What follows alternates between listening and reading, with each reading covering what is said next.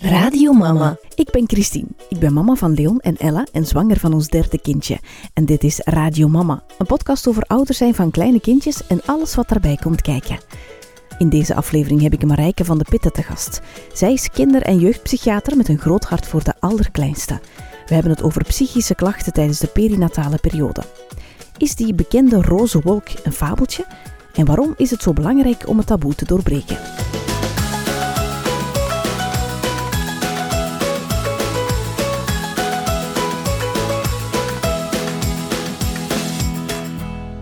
Dag Marijke, welkom in de podcast. Dankjewel. Dankjewel voor de uitnodiging. Kan je jezelf eens even voorstellen? Oké, ik ga dat doen. Mijn naam is uh, Marijke van de Pitten. Ik uh, stel mij eigenlijk altijd voor, hier in West-Vlaanderen weet dat al als iemand met een groot hart voor de allerkleinste. Um, maar ik ben ook uh, mama van drie pubers ondertussen. Um, en op werkgebied um, is het eigenlijk zo dat ik mijn werk verdeel over drie plekken. Ik maak deel uit van het nieuwe project van de overheid, die eigenlijk wil investeren in veel meer de geestelijke gezondheidszorg aan huis te brengen. Ik denk in de regio Antwerpen noemt dat PANG, in West-Vlaanderen noemt dat WING, dat staat voor het West-Vlaams Integrerend Netwerk voor Geestelijke Gezondheidszorg. En daarin stuur ik eigenlijk zowel een crisisteam als een team langdurige zorg aan, waarbij we eigenlijk bij de gezinnen thuis langskomen. Hè. Um, en um, in de sollicitatie daarvoor had ik gezegd dat ik dat eigenlijk alleen maar wou doen als ik binnen die uh, teams van langdurige zorg ook tien plaatjes mocht voorzien voor de allerkleinste. Hè, omdat die in mijn beleving, zeker binnen kinder- en jeugdpsychiatrie, te vaak vergeten worden. Hè, omdat die pubers, ja, die zijn ja, die protesteren voor het klimaat, uh, die zijn soms suicidaal, hè, maar die, die gaan wel ageren om in zorg te komen, terwijl die allerkleinste, die hebben geen stem. Um, en in die zin vond ik dat wel belangrijk. Hè. Dus ik stuur daar zeker ook het team aan van... Um, we hebben ondertussen drie medewerkers. Hè. Bij ons noemt dat dan het infantteam, die aan huis komen bij de allerkleinste in hun gezinnen. Um, en daarnaast heb ik een klein beetje een privépraktijk, maar ik durf dat meestal niet te luid zeggen, omdat ik daar vooral de mensen opvolg die ik al heel lang ken en eigenlijk niet echt ruimte heb om nieuwe uh, gezinnen op te nemen. En ik werk één dag in de week in een... OBC noemt dat. Uh, dat is een observatie- en behandelcentrum voor kinderen en jongeren met gedrags- en emotionele problemen. En daar denk ik mee na over de jongste leefgroep. Dat zijn kindjes van 2,5 tot 6 jaar en ook uh, de pubers. En vaak zijn dat kinderen die uit hele moeilijke gezinssituaties komen of hele moeilijke dingen hebben uh, meegemaakt. Ik denk dat mijn collega Eva Kestins hier ook een keer heeft gesproken. Eigenlijk, wat zij doet fulltime, doe ik één dag in de week. Uh, en is mijn voornaamste werk eigenlijk vooral het aansturen van de teams die in de gezinnen thuis langskomen. Een hele mooie ja. ja. ja, Eva Kestens zat inderdaad in de aflevering over de ontwikkeling van het brein. Ja. En hoe oud zijn jouw eigen kinderen? Uh, ik heb er drie op drie jaar, dus uh, momenteel, ik moet dan altijd even nadenken, zijn die uh, 12,5, 13 en net 15 geworden. Dus ik ben al een beetje uit de babyfase. Ja. ja. Oké, okay. we gaan het um, hebben over postnatale depressie. Um, een onderwerp waar nog veel taboe over is, hè? Zeker en vast. Hoe komt het eigenlijk dat daar zoveel taboe op zit? Ja, ik denk dat daar... Ik vond dat wel een hele, een, hele interessante vraag, omdat ik denk dat dat um, heel veel verschillende lagen heeft. Um, ik denk een eerste stukje is als je gewoon, als ik jou zou vragen om op Google iets in te tikken uh, over moeders of vaders, dan denk ik dat je allemaal beelden gaat zien van... Uh, vrolijke moeders die met roze baby's, eh, blozende kaakjes op de arm, vaders die genieten van het spel. Hè, maar allemaal hele fijne, mooie roze wolken. Ik denk dat dat wel een eerste reden is waarin jonge ouders mee worden uh, gebombardeerd van het krijgen van een baby is eigenlijk een hele prettige, fijne gebeurtenis waar je heel blij mee en heel dankbaar mee moet zijn. Um, dus ik denk dat dat al een eerste drempel vaak is dat als dan de realiteit komt kijken, want we weten allemaal dat zelfs als je zwangerschap goed verloopt en je hebt een vlotte bevalling en je hebt eigenlijk wel het geluk dat je een rustig temperament hebt van een baby die vrij gemakkelijk zijn ritme vindt, dat het dan nog altijd een hele uitdagende weg kan zijn, waarin dat je heel wat evenwichtsoefeningen moet maken. Je gaat soms van twee naar drie, je moet elkaar terugvinden als partner. Soms ga je al van drie naar vier, van je gezin breidt uit. Je moet dan uh, blijven werken op een bepaald moment, je moet je huis in orde krijgen. Dus ik denk zo de confrontatie tussen de verwachtingen en de realiteit is soms al wel uh, een hele moeilijke. En dan denken mensen, ja... Ehm, als iedereen dat doet, als ik zelf denk, als mijn vriendinnen zwanger waren, er heeft amper iemand gesproken over hoe lastig dat het is. Hè. Je moest mm, zeggen dat hij van u misschien toch niet een ideale slaper was en dat je soms ook wel echt vermoeid aan het geraken waart en dat je misschien soms zelf niet zo zien zitten. Ik denk dat dat al heel dapper is als mensen al onderling dat zouden durven uitspreken. Dus ik denk zo, het beeld waarin jonge ouders mee opgroeien lijkt mij al één dat, we, dat ik toch graag zou willen tackelen. De roze wolk de roze wolk, hè, want ik denk dat veel gezinnen een broze wolk hebben, of dat die wolk soms wel een beetje grijzer wordt, of dat er soms echt wel een donderwolk tussen zit. Um, maar ik denk ook dat er in onze maatschappij heel weinig kennis en besef is rond perinatale mentale gezondheidszorg. Hè. Want we gaan het hier misschien wel hebben af en toe over postnatale depressie, maar ik zou dat begrip ook al graag direct willen verruimen, hè, omdat ja, het gaat natuurlijk niet enkel over depressieve klachten. We weten ook dat angstklachten heel vaak voorkomen tijdens de zwangerschap. Ehm, we denken ook aan moeders die een hele moeilijke zwangerschap tegemoet gaan, die geconfronteerd worden met complicaties, die een hele traumatische bevalling doormaken en daar soms zelfs een posttraumatische stressstoornis aan overhouden.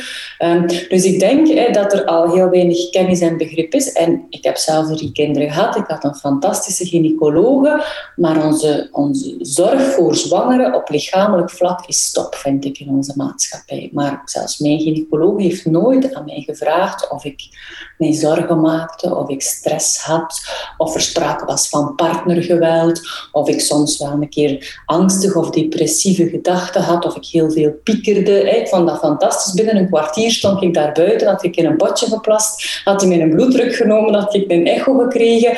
Maar zelfs in onze gezondheidszorg lijkt dat iets te zijn dat we lichamelijk mama's heel goed opvolgen en papa's of meemoeders of meevaders. Ik spreek hier zeker niet alleen in de klassieke gezinsstructuren, en als er dan een probleem is, dan moet je plots naar de psycholoog. Hè, waardoor, denk ik, dat gevoel van oei oei, ja, dan moet je waarschijnlijk al gek zijn, want dan moet het wel heel ernstig zijn. Hè.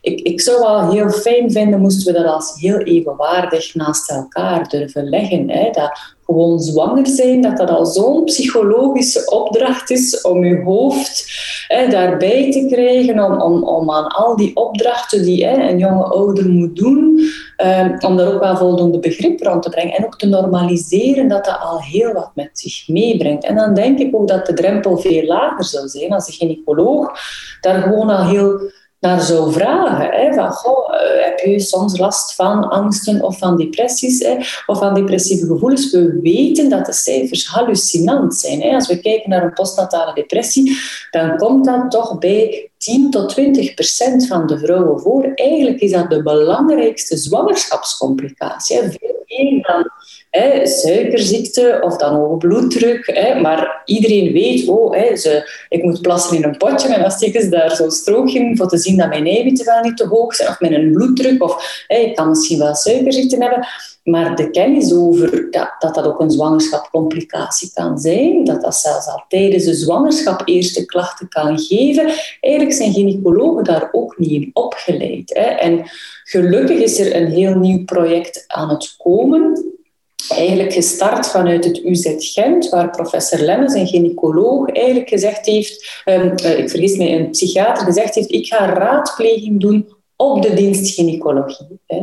Ehm, ik ga daar letterlijk gaan zitten zodat de mensen niet al naar de psychiatrie moeten komen, maar dat de psychiater eigenlijk gewoon daar komt consulteren voor vrouwen die bepaalde zorgen, klachten, angsten, gevoelens hebben. En ik vind dat wel een heel mooie manier. En dat wordt nu ook uitgerold in alle ziekenhuizen in Vlaanderen, omdat we ook natuurlijk de gynaecologen en de vroedvrouwen en de verpleegkundigen daarin moeten opleiden om daarover te durven vragen. Eh, en om daarover te durven screenen, zodat we niet naar een diagnose willen, maar dat we mensen heel vroeg kunnen detecteren en heel vroeg kunnen oppikken, zodat ze ook de geschikte hulp kunnen krijgen. Want als mensen er al dapper genoeg over zijn om er te durven over spreken, als de gezondheidszorg al hè, zo ver staat dat ze dat implementeren in hun eigen werking, ja, dan is natuurlijk nog de vraag, en waar moeten mensen dan naartoe? Dus het is ook belangrijk, vind ik, dat dat in een zorgpad zit, dat je als moeder of als vader voelt van oké,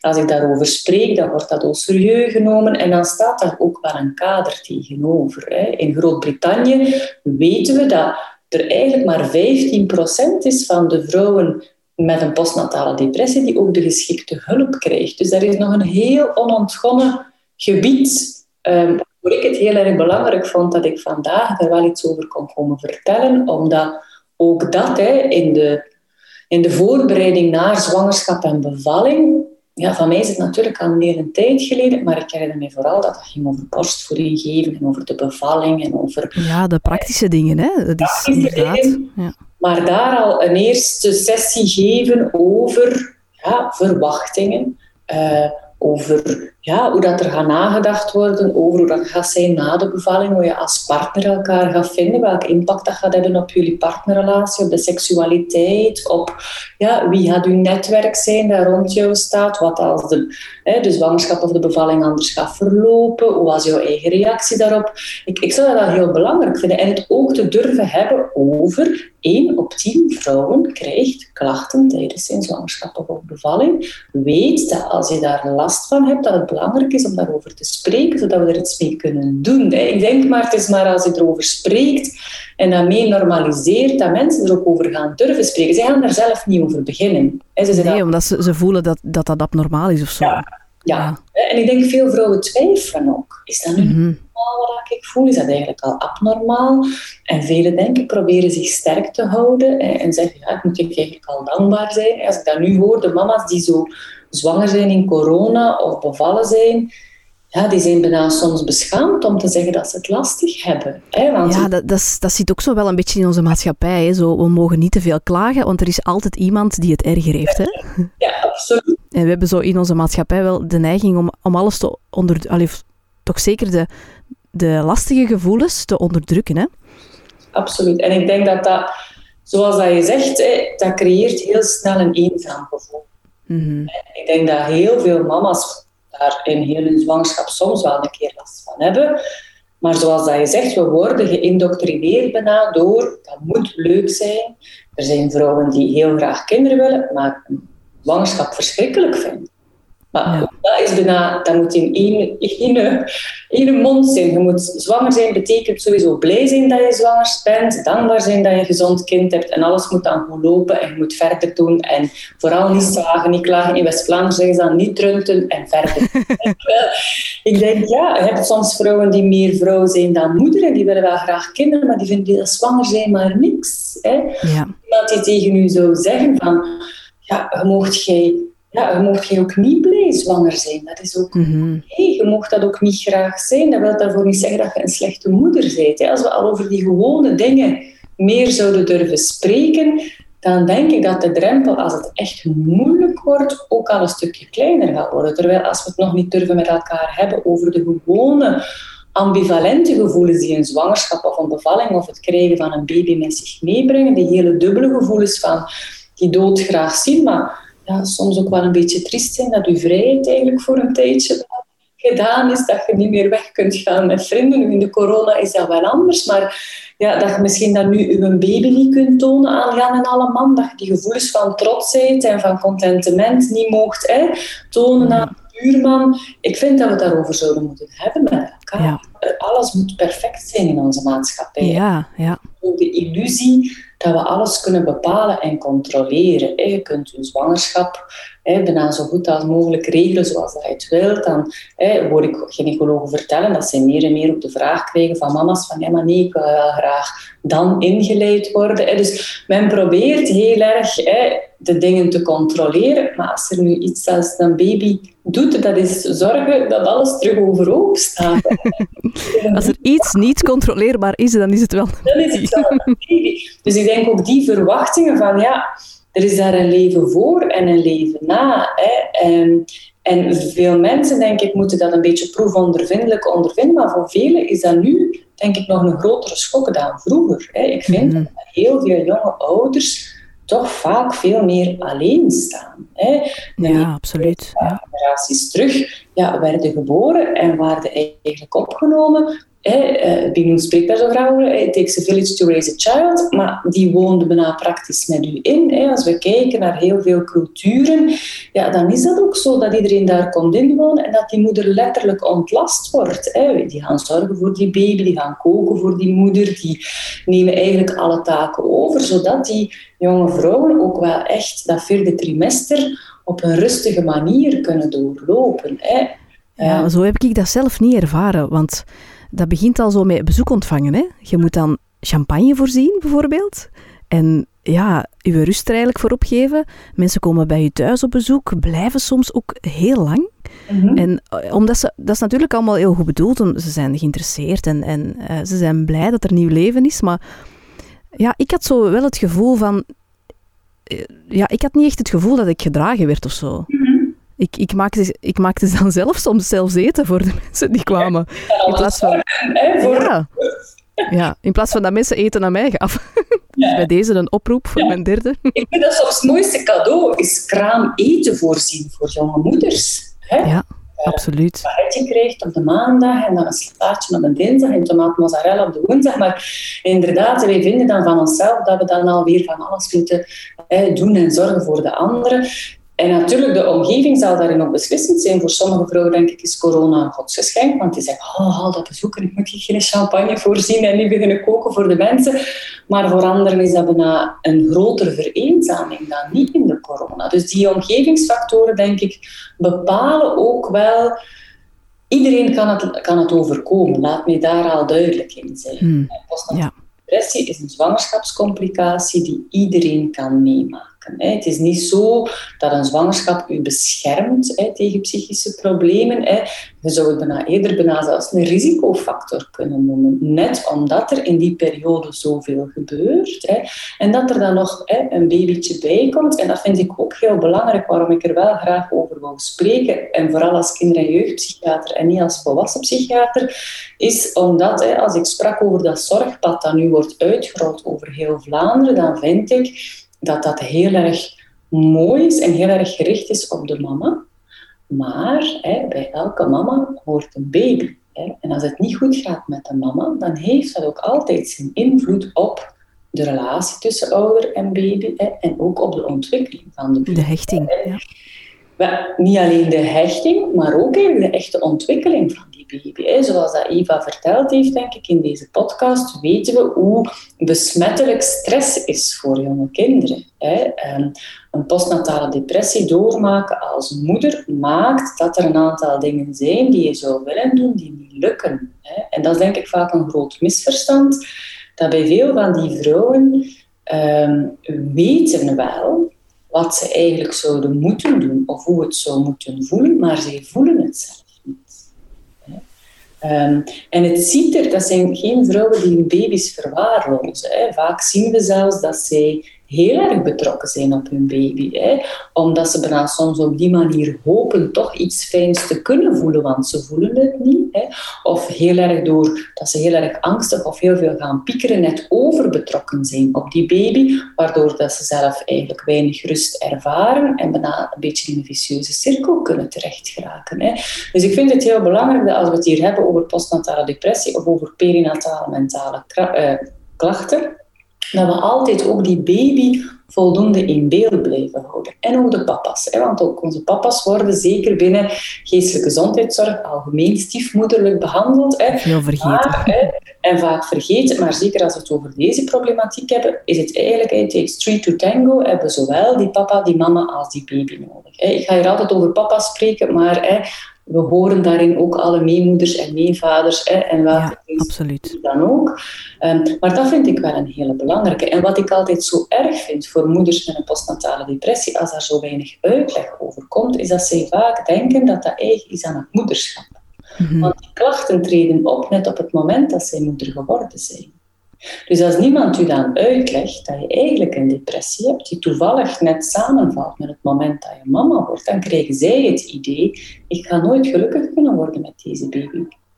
En ze denken dat het de oorzaak is. Dat, de baby de oorzaak is. Bij elkaar. En vooral omdat dat bij elkaar wordt. Zij gaan ervan uit dat dat moeder zijn is. Zij denken, oh my god, als dit het is, dat is de hel. Mhm. En dit gaat dus ook nooit meer over, want die twee zijn eigenlijk in tijd samengekomen, maar het is net de depressie die hun gevoel zo kleurt, die maakt dat zij vooral ja, dingen niet gaan voelen. Dat zij die gevoelens van blijdschap, van plezier, van trots, van verlangen, dat dat gedempt is door, door de depressie die je overkomt. Hè. Maar zij denken, oei, dat is eigenlijk eigen aan moederschap. En als ze daar dan over spreken, van dat ze zich toch een beetje vervreemd voelen van hun baby, of dat ze toch heel erg twijfelen, of dat dat precies niet zo goed lukt, en de kinderarts of de huisarts of de ouders of de vrienden zeggen, ja, maar je ziet er toch goed uit, alles is toch normaal, dan denken ze, oh my god, dit is het. Het ligt aan mij, ja. Dit is het, hier moet ik eigenlijk mee verder. Hè. Dus ik vind dat vaak mensen die heel erg eenzaam zijn en die daardoor ook vaak niet meer durven spreken over wat ze echt denken en voelen. Ofwel, denk ik, zijn ze doodsbang dat als ze echt spreken wat ze denken en voelen, dat iemand gaat zeggen, je bent een slechte moeder en we moeten je kind van u wegnemen, want je gaat er niet voor kunnen zorgen. Hè. En een andere angst, denk ik, is dat zij denken, of wat vaak ervan overtuigd zijn, dat dit het moederschap is en dat dit nooit zal verbeteren. Hè. En dus is een eerste, denk ik, belangrijke stap om dat ook wel te differentiëren. Hè. Dat dit iets is dat hun overkomt en dat eigenlijk moederschap zijn wel betekent dat je terug plezier kunt beleven, dat je wel de positieve dingen kunt ervaren in interactie met de baby. Hè. Ehm, en dat ze dus die gevoelens die ze vaak heel erg gaan proberen wegduwen, ja, dat is een beetje, vind ik, like een, een bal onder water duwen. Je kunt dat wel een tijdje doen, maar dat kost ongelooflijk veel energie. En als je dat loslaat, dan popt dat eigenlijk gewoon terug naar boven. Dus het is en meestal veel harder, hoe dieper dat je duwt. veel harder, dus het is wel belangrijk dat er eigenlijk wel een vertrouwenspersoon is waarin dat ze echt wel durven spreken over wat dat ze denken, voelen en ervaren. En, en die ook niet alleen luistert naar hun, maar ook een beetje kijkt van oké, wat is nu de impact hiervan op deze baby? Want je kunt je voorstellen dat als je een alleenstaande moeder bent, zonder ruim netwerk en dit overkomt u, dat je veel sneller in een kwetsbaardere positie zit dan dat je het geluk hebt dat je een mama bent en een fijne relatie met nog grootouders die heel erg nabij zijn, met een vroedvrouw in de buurt, met een gynaecoloog die je goed opvolgt. Um, en dan is natuurlijk is er heel veel compensatiemogelijkheden om hè, de kwetsbaarheid die er zit in de relatie tussen mama en baby, die van een tijdelijke aard zijn, als we dat goed aanpakken en behandelen, die ondertussen wel een ander aanbod kunnen doen naar deze baby. Deze alleenstaande mama, die zit een beetje gevangen en ze zitten samen vaak gevangen in een hele negatieve cirkel. En want vanuit de depressie voelen moeders zich veel somberder, zijn ze vaak heel erg benomen met hun eigen gedachten, waardoor ze ook veel minder beschikbaar kunnen zijn voor wat die baby op dat moment nodig heeft. En wat, wat vaak heel erg is, vind ik, als je dat ziet gebeuren, is dat ook vanuit een depressie zij veel meer gaan resoneren, ook met de negatieve stukken die in de, baby, in de ouder-baby-relatie gaat gebeuren. Ik zeg maar, als je kleine kinderen hebt, dan hebben die niet zoveel mogelijkheden om zich te reguleren. Dus als ze een tijdje met hen bezig zijn en de spanning loopt op, wat doen baby's vaak? Die gaan wegkijken om eventjes te kunnen bekomen van alle hè, prikkels die er zijn geweest. Wat deze moeders vaak interpreteren als, ah, zie je wel, je moet mij niet hebben ik ben een slechte moeder. Hè. En wat je dan soms ziet gebeuren, is dat ze dan de blik blijven volgen, omdat ze heel hard hun best willen doen om dat te herstellen. Maar daardoor raakt die baby meer en meer overstuur, gaat hij veel meer en meer wegkijken of veel meer huilen en raken ze veel meer overtuigd van, zie je wel, eigenlijk ben ik een slechte moeder. Eigenlijk zou die veel beter af zijn bij iemand anders. Eigenlijk ben ik waardeloos. Dus al die vrouwen kampen met hele moeilijke gevoelens van schuld, schaamte, waardeloos, hulpeloos, machteloos en zijn daar vaak heel erg eenzaam. En stel dan dat er iemand op dat moment tegen u zegt, maar je ziet er eigenlijk goed uit, dat gaan we over. Ja, het tegenovergestelde van het erkennen van de gevoelens eigenlijk. Hè? Dan voelen ze misschien nog meer van, oké, dus wat ik voel is duidelijk niet normaal, want ja. het, het is niet zo op die manier bij mij. Ja. En het kan dan, dan helpen, denk je, door er meer over te spreken, zodat het taboe wordt, wat doorbroken wordt en dat moeders meer het besef, hebben van um, het ligt niet aan mij en dat, dat die schuld- en schaamtegevoelens verminderen? En dat ze ook sneller hulp gaan zoeken? Ja, ik vind het de, de opdracht van de gezondheidszorg om zich zo te organiseren dat het eigenlijk even normaal is om te spreken over ja, en ik, ik heb uh, uh, mijn, mijn borsten zijn gezwollen, of mijn buik zoveel pijn, of ik krijg last van mijn bekken. Dat ze even goed zouden kunnen mogen zeggen, amai, ik heb gemerkt de laatste weken dat ik aan het piekeren ben en ik heb daar precies geen controle meer over. Als de gynaecoloog gewoon al zou vragen van, goh, hoe is het met u geweest de voorbije maand? We weten dat 1 op 10 vrouwen daar last van krijgt. We weten dat dat eigenlijk heel vaak voorkomt.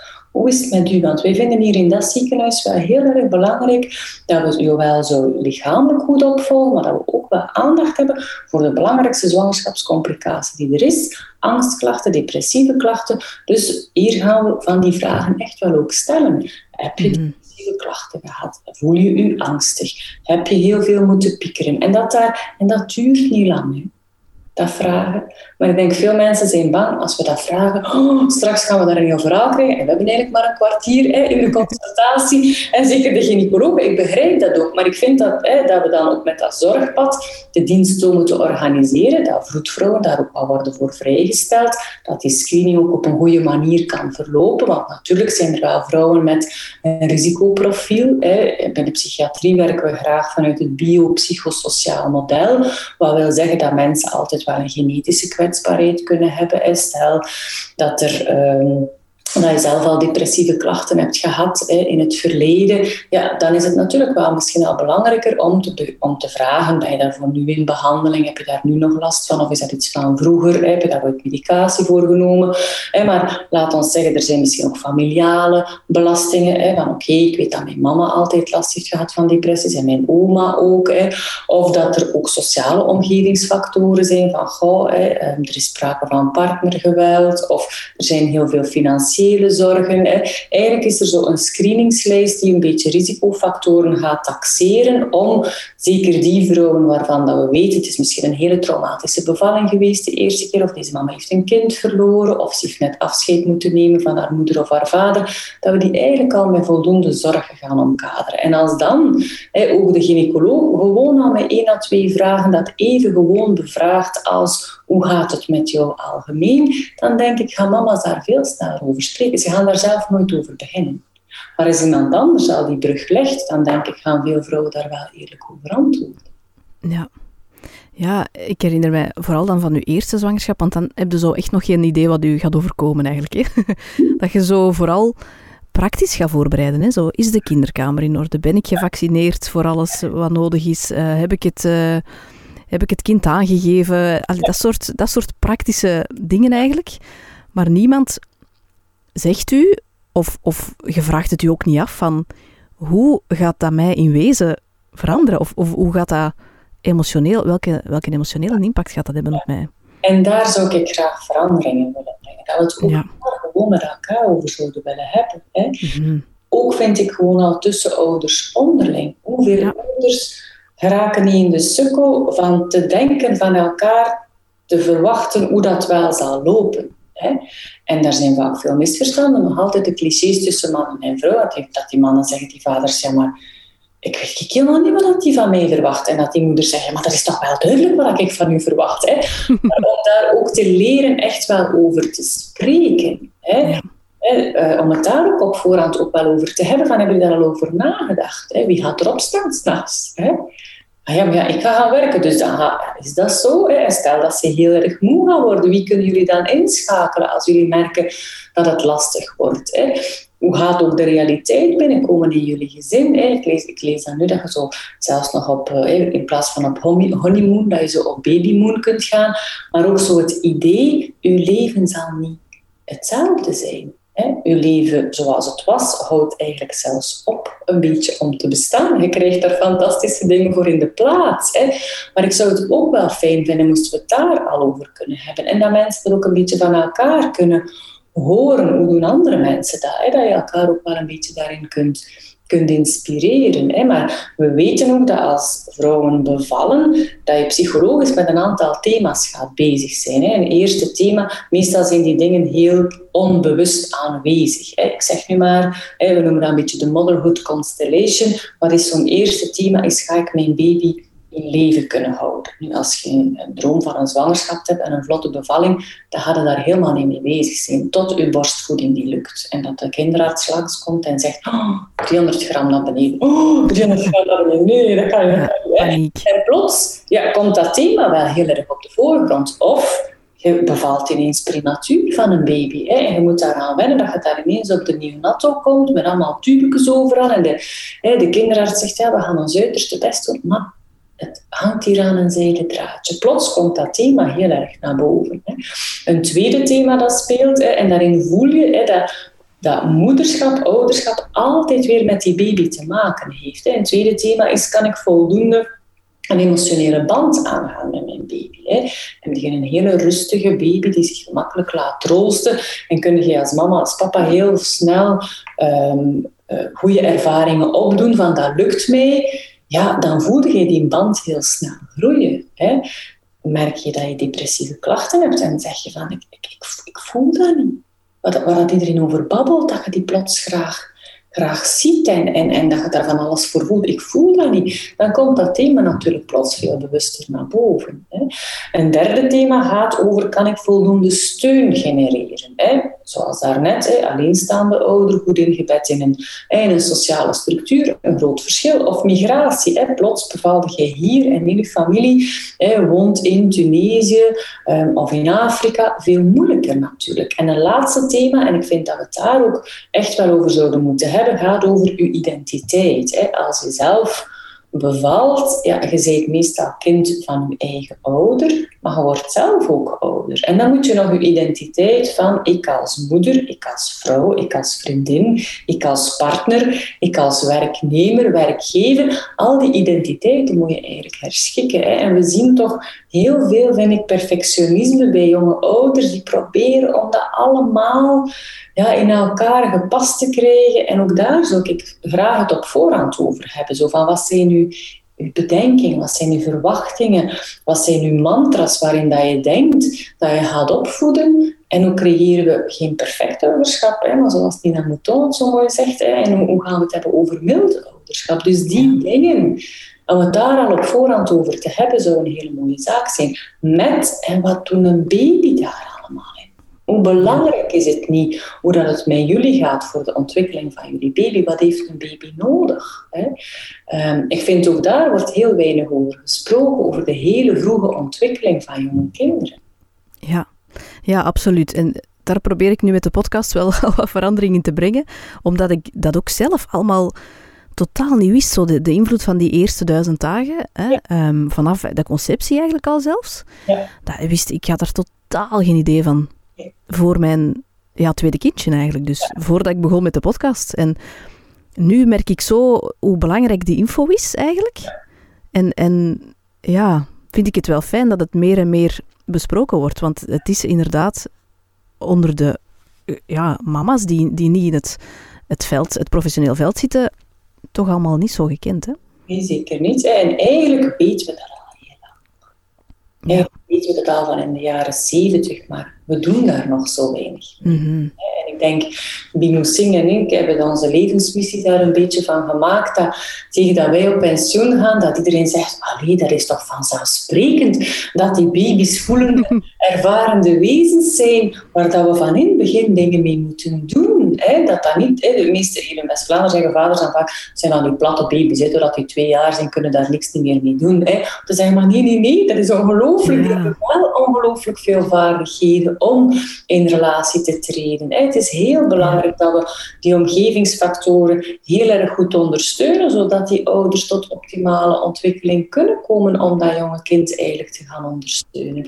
Dus ik vind het zijn altijd relaties die relaties beïnvloeden. Je kan niet enkel mama of papa daaruit halen. Als je spreekt over mama en papa, heb je het altijd automatisch over een baby. Mm. En als je het hebt over die triade van mama, papa en baby, dan heb je daar ook een hele omgeving en een hele maatschappij rond wiens verantwoordelijkheid het ook is om dat heel goed te stutten en te ondersteunen. Want als wij van al die jonge ouders verwachten dat die afgestemd op die baby's reageren, dat die voor zichzelf gaan zorgen, dat die voor zichzelf gaan laten zorgen als er moeilijkheden zijn, dan moeten we ook wel een maatschappij hebben, een gezondheidszorg die daar een aanbod in heeft en een maatschappij die dat ook wel verdraagt, dat we daar tijd en ruimte voor nemen. En ik denk dat heel veel, als, als mensen er al over durven spreken of het wordt al gedetecteerd, dan denk ik dat nog vaak de eerste stap is, we geven medicatie, we sturen de mevrouw hè, eh, in kwestie naar de psycholoog, maar dat men opnieuw vergeet, daar is een partner, daar is een baby, daar zijn soms nog broertjes of zusjes. Eigenlijk moeten we heel dat pakket ook wel blijven daarin meenemen. En er moet zorg zijn voor iedereen daarin. En we weten dat hoe vroeger dat we interveneren, hoe groter de return of investment. En daarom is het ook zo belangrijk dat we durven blijven roepen, we moeten echt wel in die hele jonge kinderen investeren. En als we in hun willen investeren, dan moeten we ook in die ouders investeren. En daarom wil ik daar zeker ook een oproep rond doen, dat alle mama's die zwanger zouden zijn of pas bevallen zijn en zich toch wel wat herkennen in dat verhaal, om echt wel iemand te zoeken in hun omgeving die ze vertrouwen en erover te spreken. Als ze het niet willen doen voor zichzelf, dat ze het dan doen voor hun baby. Want al die ouders willen een goede ouder zijn, maar het heeft een impact als we het onbehandeld laten. En we kunnen het zo goed behandelen. Er zijn zo mooie manieren om dat wel te doen. Ja. Ja, ik vind het zo mooi. Vanaf in het begin van, van je verhaal vertelde je ook al van... Uh, Um, dat zo het kind, hè, de stem van het kind willen zijn. Ik, ik moest meteen terugdenken aan, aan een lezing van Binou die ik had gevolgd, waarin dat zij dat ook zei. En uh, ja, ik vond dat zo mooi. Want inderdaad, en zeker in het geval van de pasgeboren kinderen en de, de kinderen die zo echt nog klein zijn, ja, denken we zo soms dat die zelfs geen gevoelens en zo hebben. Hè? Mm. Ja, nu, er is, het is jammer dat zo via de radio is, meestal als ik zo daar lezingen geef, dan laat ik altijd um, de still face experiment tonen van Tronic. Ik weet niet of je dat zelf ooit gezien hebt, maar ja. ik vind als je dat ziet, dan kan je nooit meer denken dat, de, dat er geen impact is van wat mm overkomt op de baby. Eigenlijk wat hij daar aan die mama vraagt, misschien voor de, voor de luisteraar, het is eigenlijk een experiment. Ik vraag me altijd af waar dat ze die mama gevonden hebben. Maar er komt er eigenlijk een mama met een baby en eh, er wordt aan hun gevraagd om gewoon te spelen zoals ze gewend zijn. Je ziet een hele mooie interactie tussen mama en de baby en er wordt gekierd en er wordt samen gekeken naar iets en je ziet heel veel plezierbeleving. En op een bepaald moment is er aan de mama gevraagd dat zij zo wegkijken en dat ze terug kijkt naar de baby eigenlijk met een afgevlakt gezicht. Zoals je zou kunnen zeggen als iemand met een onbehandelde postnatale depressie. Eigenlijk mag ze geen enkele mimiek meer tonen en mag ze geen levendig gezicht tonen. En je ziet dat die baby in eerste instantie allerlei trucken uit de doos haalt om hè, terug levendigheid te krijgen in die interactie. Die gaat wijzen zoals dat hij voordien deed. Die gaat terug geluidjes maken. Maar goed, voor het experiment moet mama volhouden. En als het filmpje maar lang genoeg duurt, dan zie je dat die baby eigenlijk letterlijk alle controle verliest over zijn lijfje, helemaal overstuur wordt. En ik ben nog altijd gerust. Hè. De huilbaby's die komen meestal wel in zorg. Hè. Daar worden ouders knettergek van. Op een duur gaan ze daarmee naar de pediater of naar spoedgevallen of naar de huisarts en zeggen er moet hier iets mee gebeuren. Maar we zien ook baby's die het opgeven. Hè die als ze in zo'n onbehandelde cirkel blijven, die leren of ik nu iets doe of niet doe, het heeft eigenlijk geen zin. Dus ik ga een beetje in shutdown. Dus het is ook letterlijk die baby's die, waar ik mij dan het meeste zorgen in maak. En, ja, de aangeleerde hulpeloosheid. Ja, waarvan dat je niet... Ja, die gaan... Dat zijn dan de mama's die twee, drie jaar later of soms zes jaar later bij mij op consultatie komen en zeggen ja de eerste twee jaar, ik heb die eigenlijk nooit gehoord. Dan denk ik, oei, zo. Echt, dan mag ik mij al zorgen, want dat is eigenlijk nu normaal voor een baby. Hè? Ehm, dus ik, ik, ik vind dat we echt daar moeten, uh, moeten heel bewust van zijn dat als het niet goed gaat met onze mama's en papa's, dan gaat het ook niet goed met de baby. Dus als we iets willen doen voor de mama's en papa's, dan doen we automatisch iets ook voor de baby's. Ja. Merk je dat, dat zo al die kennis daarover, dat dat Ehm, ja, ik weet niet hoe ik mijn vraag moet stellen, maar ik kan me ook voorstellen dat als er nu iemand luistert met bepaalde klachten die zouden kunnen wijzen naar um, postnatale depressie, dat die zich nu nog extra schuldig gaan voelen met wat we nu zeggen. Mhm. Maar toch ja, is het natuurlijk wel belangrijk ja. om het te, weten. Ja, ik denk, er, ik denk dat dat een van de dingen is die heel belangrijk is om net dat schuldgevoel daartussenuit te krijgen. Ik vind het meer dat het onze verantwoordelijkheid is als gezondheidszorg om iets te doen voor deze mama's. Want ik vind dit vaak hele dappere, maar hele leidende vrouwen die vaak lijden in stilte en in grote eenzaamheid. Ja. En wij kunnen niet verwachten van hun dat ze tot bij ons komen. Hè. Wij moeten de brug maken naar hen en wij moeten erover durven spreken en wij moeten hun de hand reiken en wij moeten hun ook geruststellen dat dit een tijdelijk gegeven is. Wat er hun verantwoordelijkheid is, denk ik, is iemand zoeken die ze vertrouwen om erover te durven spreken. En dan moet ze natuurlijk het geluk hebben dat er iemand is die wil luisteren en niet gewoon direct geruststelt en sust. Maar ik denk, elke ouder voelt zich als schuldig. Wat zij kunnen missen als kiespijn is iemand die het schuldgevoel net nog zo uit.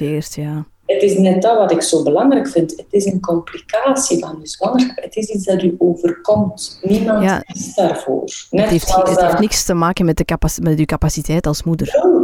No. Het, is, het zou even absurd zijn dat mensen zich schuldig voelen dat ze zwangerschapsdiabetes kregen. Dat overkomt ja. suikerziekte. Een bloeddruk krijgen, dat overkomt u. Een mhm. postnatale depressie krijgen, dat overkomt u. Ja. Dat overkomt u. Niemand kan daar iets aan doen. Maar het is wel uw verantwoordelijkheid, vind ik, als mama, om er iets aan te doen. Dat vind ik wel, omdat het zo belangrijk is voor die baby en ook voor hunzelf. En ook omdat ik hun dat toewens. Omdat ik weet dat er een adequate behandeling is die maakt dat ze opklaren en dat ze terug kunnen genieten van die baby. Want dat is eigenlijk wat we binnen zo'n behandeling altijd tot doel hebben. Dat daar terug plezier is in die interactie. Ja. Want deze vrouwen weten dat vaak heel erg goed. Hè? Die weten hoe het moet. En die doen keihard hun best. Keihard hun best, dat moet verschrikkelijk zijn. Keihard hun best doen en het toch niet voelen. En opnieuw, elke dag opnieuw, keihard je best doen. Ik heb daar nog nooit een, een baby gezien die verwaarloosd wordt hè, door een mama met een depressie. Die zien er altijd fijn uit. Hè. Die doen keihard hun best. Ja.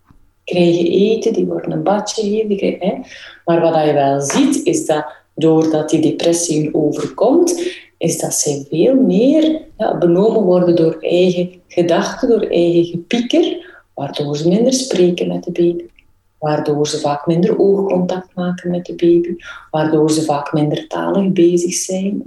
En ik vind vaak dat in hun hoofd is die baby nog niet echt geboren. Die is wel uit hun lichaam gekomen, maar eigenlijk zit die nog niet in hun hoofd. Wel in hun hart, maar niet in hun hoofd. Eigenlijk hebben zij nog geen echte geboorte van die baby.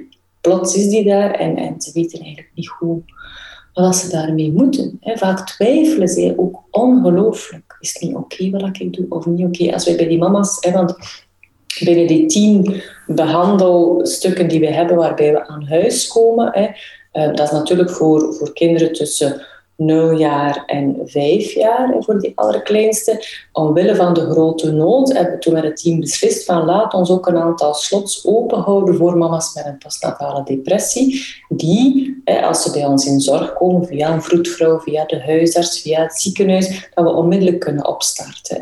En wat je dan ziet bij deze mama's, is dat zij vaak ongelooflijk twijfelen en hopen dat wij het komen overnemen. Maar ik zeg altijd tegen die mama's, maar ik heb u nodig. Hè? Ik kan dat niet zonder u. Jij bent een expert van uw kind. Jij bent zo belangrijk. Zonder u kunnen wij hier niet aan beginnen. Maar vaak twijfelen ze in het begin over zoveel dingen. Moet ik een flesje geven of moet ik het niet geven?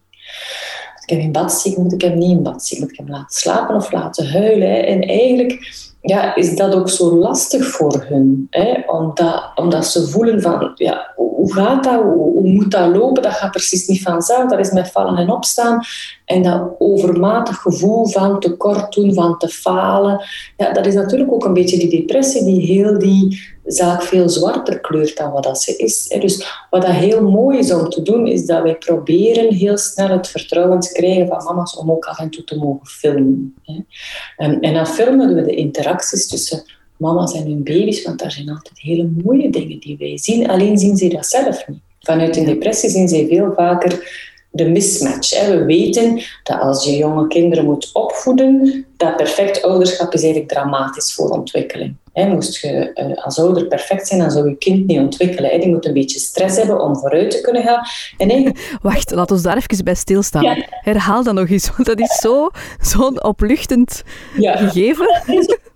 Eigenlijk weten we dat als je een baby huilt, dat het belangrijk is dat je er maar één op twee à één op drie keer bonk op zit, dat je juist Ja, dat is al voldoende. dat is eigenlijk al voldoende om goed ouderschap te hebben. Wat mensen daarin soms vergeten, is het belangrijkste daarin, is dat je blijft zoeken. Als je een baby huilt en zegt, oh mijn bolleke toch, en het zal wel pamper zijn, en je doet het pamper droog, ja, het was dat niet dus. Hè. Ah, misschien hè, zullen je wat dommer hebben. Flesje proberen, drie keer drinken, stoppen. Ja, lap, dat was het ook niet. Hè.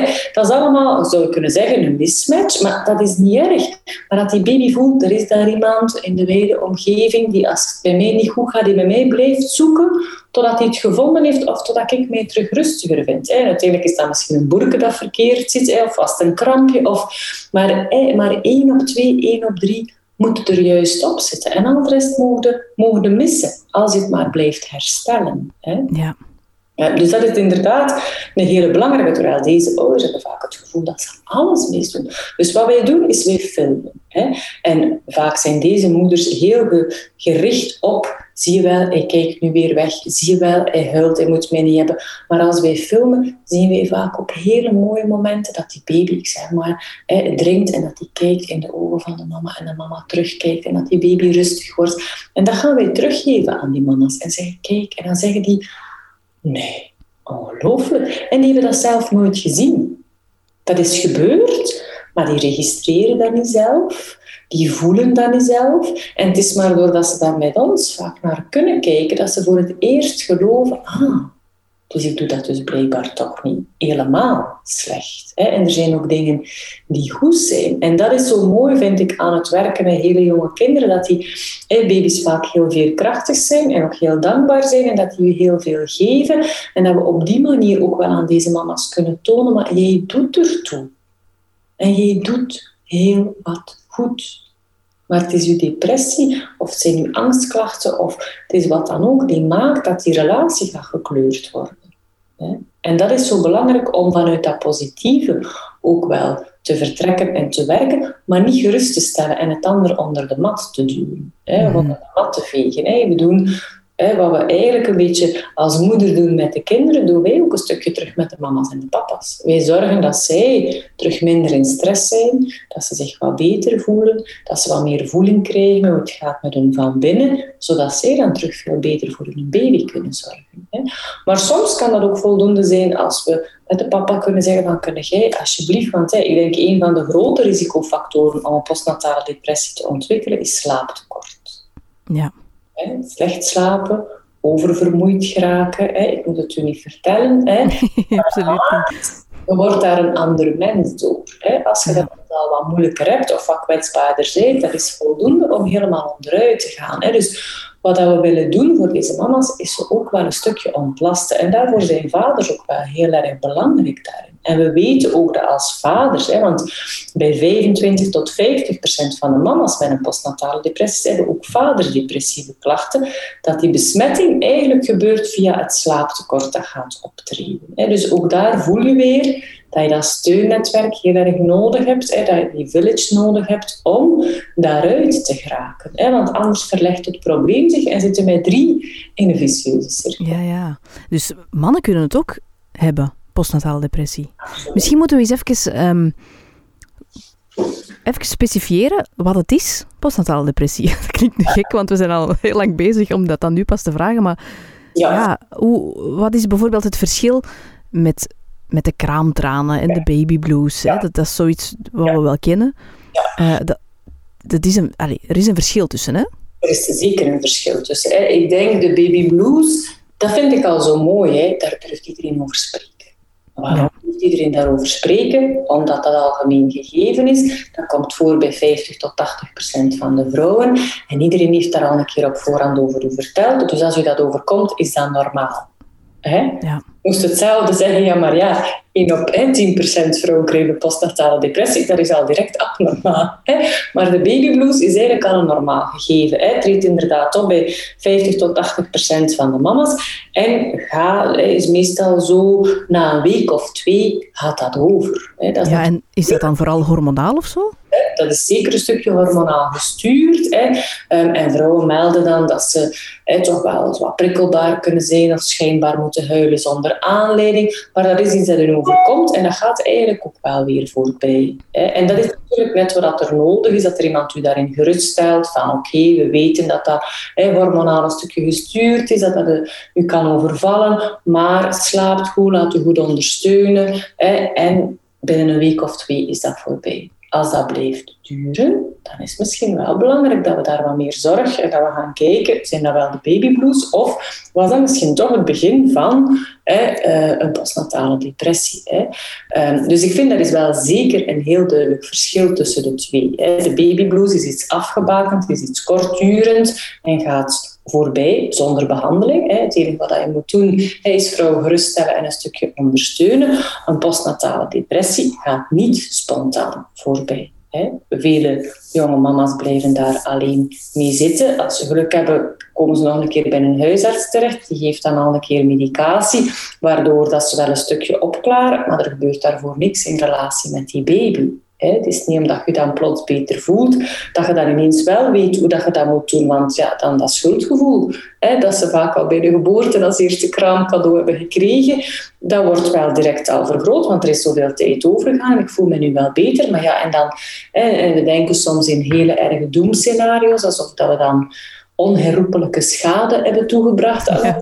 kinderen. Dus ik denk ook daar, hè, als mama's dit horen en al denken, oei oei, uh, ik voel me al zo schuldig, we kunnen heel veel herstellen. Hè. de enige weg daaruit is door erover te spreken. En als je erover spreekt, dan wens ik iedereen een zorgzame hulpverlener toe die het gaat vastpakken en met u iemand zoekt, zodat het opgelost geraakt. Want het geraakt altijd opgelost. Als we daar mhm. de juiste omkadering tegenover zetten. Hè. Ja.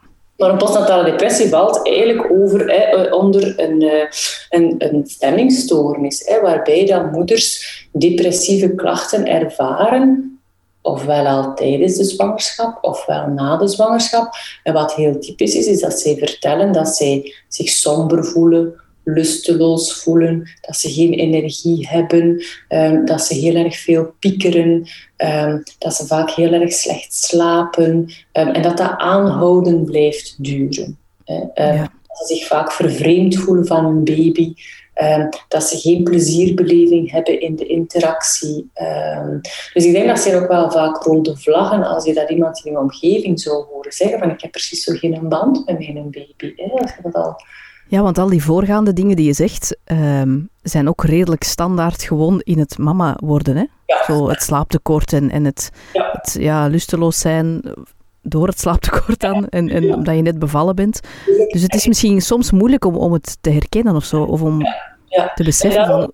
is het een echte oproep van mij, als je twijfelt, spreek erover. Spreek erover met iemand die je vertrouwt, die met u kan uitmaken is dat inderdaad nu in kader van, ja, ik ben zo moe en het is zo'n huilbaby en we hebben een ruzie gemaakt onderling als partner, wie dat er nu weer ging opstaan en, en mijn man heeft net zijn ontslag gekregen, we hebben zoveel zorgen. Als je twijfelt, spreek erover. Hè. Maar zorg dat er iemand samen met u kan uitklaren, is het inderdaad iets dat nu tijdelijk zit in, in een samenloop van omstandigheden of voelen we toch wel met z'n allen, dit blijft wel heel lang duren. Dit is toch wel van een orde dat je er echt last van hebt. Hè. Ehm, en dat we er ook de juiste zorg tegenover kunnen zetten. Dat vind ik wel heel erg belangrijk. Als je twijfelt, spreek erover. Ja. En dat bij mannen presenteert zich dat vaak ook wel wat anders. Hè, waar dat we bij vrouwen algemeen in geestelijke gezondheidszorg zien dat die wat meer de dingen internaliseren. Hè, dus die gaan zo meer piekeren, angstig zijn, zich zorgen maken. En soms ook wel hele... Ik heb er recent nog zomaar gezien, en, en dat is ook nog een, een die, die, denken soms dat hun kinderen allerlei verschrikkelijke dingen gaan overkomen. Hè? Dat die mhm. in de auto zitten, dat die een babytje hebben ingeklikt en dat die, als ze een bocht nemen, dat die uit het raam gaan. Hè, of als ze die gaan vasthouden, dat die uit hun armen gaan vallen. Ze zien vaak hele ernstige doemscenario's. Het moet verschrikkelijk zijn. Hè. Als je zo de dag moet doorkomen en weet dat er nog hè, tien uur volgen en je start al en je hoort het gehuil en je denkt al dat alles gaat mislopen. Hè. Dus ook vanuit dat stukje hè, ehm, is er vaak een hele grote lijdenslast. Terwijl mannen wat vaker gaan externaliseren, hè, de dingen wat naar buiten gaan gooien. En ofwel zie je dan heel erg vluchtgedrag, dat die heel erg snel terug gaan werken, heel veel gaan werken, het thuis een beetje gaan vermijden. We zien soms ook wel misbruik van middelen ontstaan omwille van ja, chronische prikkelbaarheid, zich niet goed voelen, ehm, soms ook wel ontrouw. Ehm, maar we zien daar vaak zo wat meer spanningsgerelateerde klachten, ehm, soms ook wel wat meer kwaadheid, agressie. En dan, ja, goed, dan krijg je vaak hele vicieuze interactiecirkels. En is het ook wel dankbaar dat er iemand u kan geruststellen van, goh, misschien is er hier wel, wel meer aan de hand. Dus bij vaders is het vooral belangrijk om ook de omgeving goed te beluisteren. Van, hebben jullie iets zien veranderen zo de laatste periode in hoe dat, hoe dat die papa eigenlijk ook is als man. Hè. Als dat vroeger een heel rustige, gezapige man was, die nu eigenlijk heel tijd op de tippen van zijn tenen loopt en tegen iedereen uitvliegt, ja, dan is die misschien niet gewoon lastig, maar misschien kampt hij wel met depressieve klachten. Ja. Zijn er mensen die, meer, die er meer vatbaar voor zijn? Door bijvoorbeeld genetische factoren? Ja, zoals vanuit dat biopsychosociaal model is het zeker wel zo dat het uh, kan zijn dat als je zelf al depressieve episodes hebt gehad, dat het net belangrijker is dat je goed laat opvolgen tijdens je zwangerschap om te zien of dat de zwangerschap aan zich er niet voor zou kunnen zorgen dat die klachten terug zouden optreden. En dan is het denk ik ook belangrijk om daar met een arts over te spreken van hoe maak je dan de afweging? Want er is vaak, zeker vanuit het verleden met heel de soft-on-verhalen, is er ook heel veel uh, zorg rond, ja, wat doen we dan met medicatie? gebruik in de zwangerschap of nadien. Ik ben zelf zeker geen pleidooihouder voor medicatie, maar ik vind wel dat medicatie soms heel erg helpend kan zijn, omdat we soms de afweging moeten maken van wat is er nu stresserender. Hè?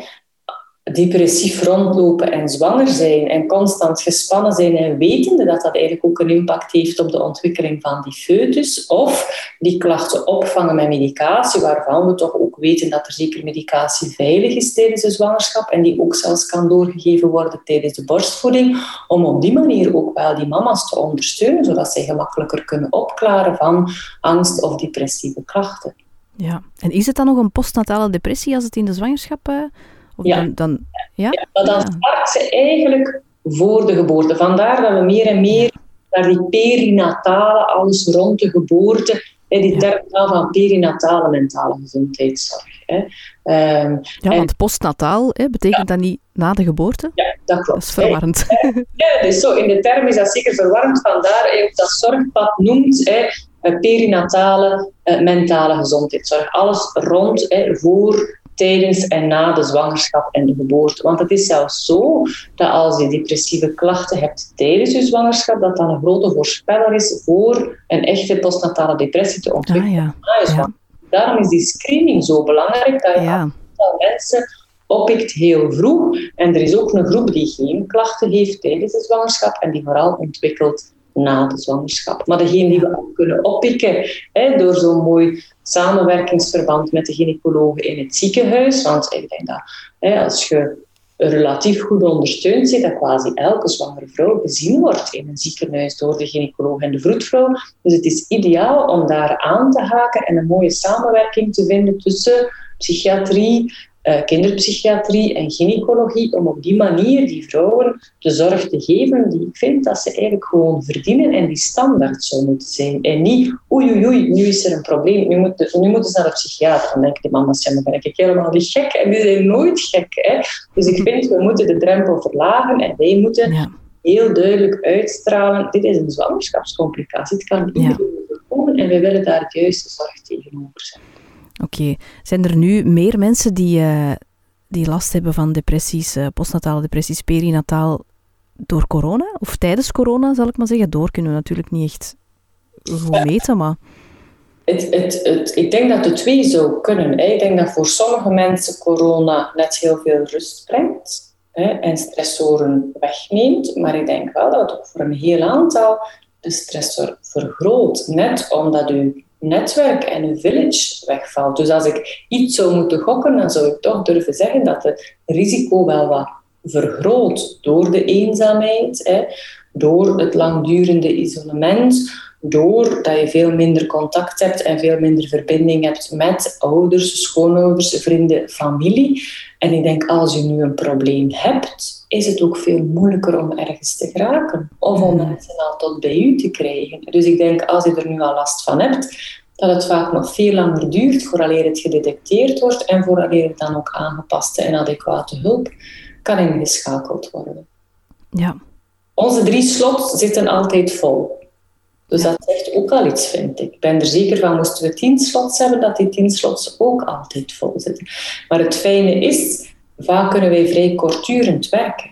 Dat is er ook zo mooi aan. Hoe vroeger dat je kunt starten in een gezin, hoe sneller dat mensen ook kunnen opklaren. Hoe langer dat je ermee wacht, ja, hoe moeilijker het soms is, omdat er al heel wat dingen ook verworven zijn. Hè? Dus daarom mijn blijvende oproep als je met dingen zit, als je twijfelt, spreek erover. Uh, het is nooit te vroeg. Ja, dat is, dat is duidelijk een belangrijke boodschap. Hè? Want ik wist ook bijvoorbeeld niet dat het al in de zwangerschap kan optreden. Dus als je in de zwangerschap al iets voelt van, van dit klopt niet of zo, uh, trek aan de bel. Of ga, ga hulp zoeken. En waar kunnen mensen uh, dan specifiek terecht? Dat start bij de huisarts dan? Of? Wel, normaal is het zo dat Anne-Sophie van Parijs is de vroedvrouw die eigenlijk heel dat zorgpad aan het uitrollen is over Vlaanderen. Dus het is zo, ze heeft alle materniteiten bezocht hè, en daar, hè, ze is even gepassioneerd als, uh, als ikzelf en heeft dat daar zeker ook wel uitgedragen. En er zijn heel wat ziekenhuizen die daar eigenlijk wel mee aan de slag gaan. Hè. Ehm, en die beginnen te screenen, die ook een samenwerkingsverband hebben met een psychiater die consultatie komt doen op de gynaecologie. Dus ik zou starten met spreek erover met uw gynaecoloog. Hè. Maar stel nu dat je de pech hebt dat dat daar een ziekenhuis is dat daar nog niet zo ver in staat, hè, dan is het ook zo dat eigenlijk elke provincie ook wel um, een infant mental health deskundige heeft. Vaak noemt dat in West-Vlaanderen bij zo'n IMH-ambassadeur, die je ook kan bellen om te informeren waar in mijn regio kan ik eigenlijk terecht. Hè. Ik denk dat vaak vroedvrouwen heel erg het meest van al al mee zijn in wat bestaat er, welke hulp is er in eigen regio, bij wie kan ik terecht. En ik voel ook dat er een booming business komt van zwangerschapsconsulenten. Um, er is wel iets aan het bewegen in het werkveld en ik ben daar eigenlijk heel blij mee. Ik denk dat ik ondertussen zelf al 15 jaar met de doelgroep bezig ben en maar aan het zaaien ben. En nu heb ik het idee dat we kunnen beginnen... Er begint iets te bewegen. Ja, dat er dingen beginnen te bewegen en men het belang begint te zien van heel vroeg te interveneren, van ook rond die zwangerschap een goede omkadering te doen. Hè. Um, maar vroedvrouwen, huisartsen, gynaecologen, uh, ik zou er vooral over spreken. Ja, en is er zo'n bepaald platform of zo waar mensen informatie kunnen vinden over ja, wat het precies is? Um... Ja. Er is een heel mooie website, vind ik, en die noemt www.walkinmijnhoofd.be. Um, en daar zijn uh, twee mooie filmpjes van uh, ervaringsdeskundigen, van mama's die zelf uh, gesukkeld hebben in het begin. En daar staat eigenlijk ook heel veel informatie op over wat is het, hoe kan het zich presenteren, bij wie kan ik terecht. Uh, dat is eigenlijk een eerste initiatief, uh, Vlaams initiatief, dat eigenlijk wel ehm, ook via, ja, via internet heel vlot te bereiken is. Ja, oké. Mensen mogen mij altijd mailen. Ik wil ze altijd verder helpen. Ja, ik wou het net zeggen, maar ben je zeker? Want kan zijn dat je veel mails krijgt dan. Hè? Ik heb veel luisteraars. Hè? Ja, ja. ik vind het belangrijk. Hè? Ik, denk, ik, denk het, uh, ik denk dat het ergste is dat je erover kunt spreken en dat mensen tegen je zeggen, maar moet u niet aanstellen en doe een beetje verder en trekt uw plan. Ik denk dat dat verschrikkelijk moet zijn. Als ja. het niet zit, dan denk je pas echt dat je gek aan het worden bent. Hè? Terwijl niks om je over te schamen en om over je schuldig te voelen. Het overkomt je en het is onze taak om je daarin te begeleiden, zodat je de gepaste hulp krijgt, zodat het voor u en voor uw baby eigenlijk vlotter kan verlopen en dat je terug van elkaar kunt genieten. En dat is zo mooi, hè? als wij in zo'n gezin mogen komen waarin de mama's ons aan in vertrouwen nemen, dan krijgen we de geweldigste filmpjes van trotse mama's die ja, eigenlijk terug kunnen genieten van die gewone dingen. En natuurlijk blijven de moeilijke dingen die eigen zijn aan ouderschap bestaan, maar die, die grijze, zwarte wolk heeft plaatsgemaakt voor een gewone witte wolk. Ik ben echt geen fan van die roze wolk, hè, maar ik denk, die wolk is meestal, als je chance hebt, wit, maar af en toe zit daar wat grijs in, maar als ze zwart is, dan is er echt een probleem en dan moeten we komen helpen. Ja. En waar kunnen, kunnen mensen jou contacteren? Heb jij een website of zo? Um, ik heb een, een e-mailadres. Um, ik heb er twee, zowel vanuit mijn uh, mobiele werk, en dat is mareike.vandepitte.win.be, W-I-N-G.be. Um, en dan heb ik een mini-teampje, dus uh, moesten er heel veel vragen komen, dan kunnen wij wel dispatchen. En ik ken ook wel wat mensen in de andere regio's.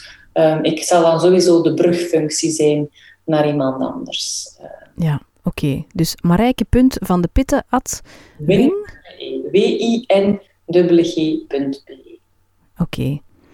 Super Marijke, um, dan wil ik jou heel erg bedanken voor dit gesprek. Is er iets waar je zelf nog aan denkt wat je nog graag kwijt wilt voor we afsluiten? Of niet per se? Ik denk dat het grootste cadeau dat je je baby kan doen, is goed voor jezelf zorgen. En ik vind dat elke ouder daar recht op heeft.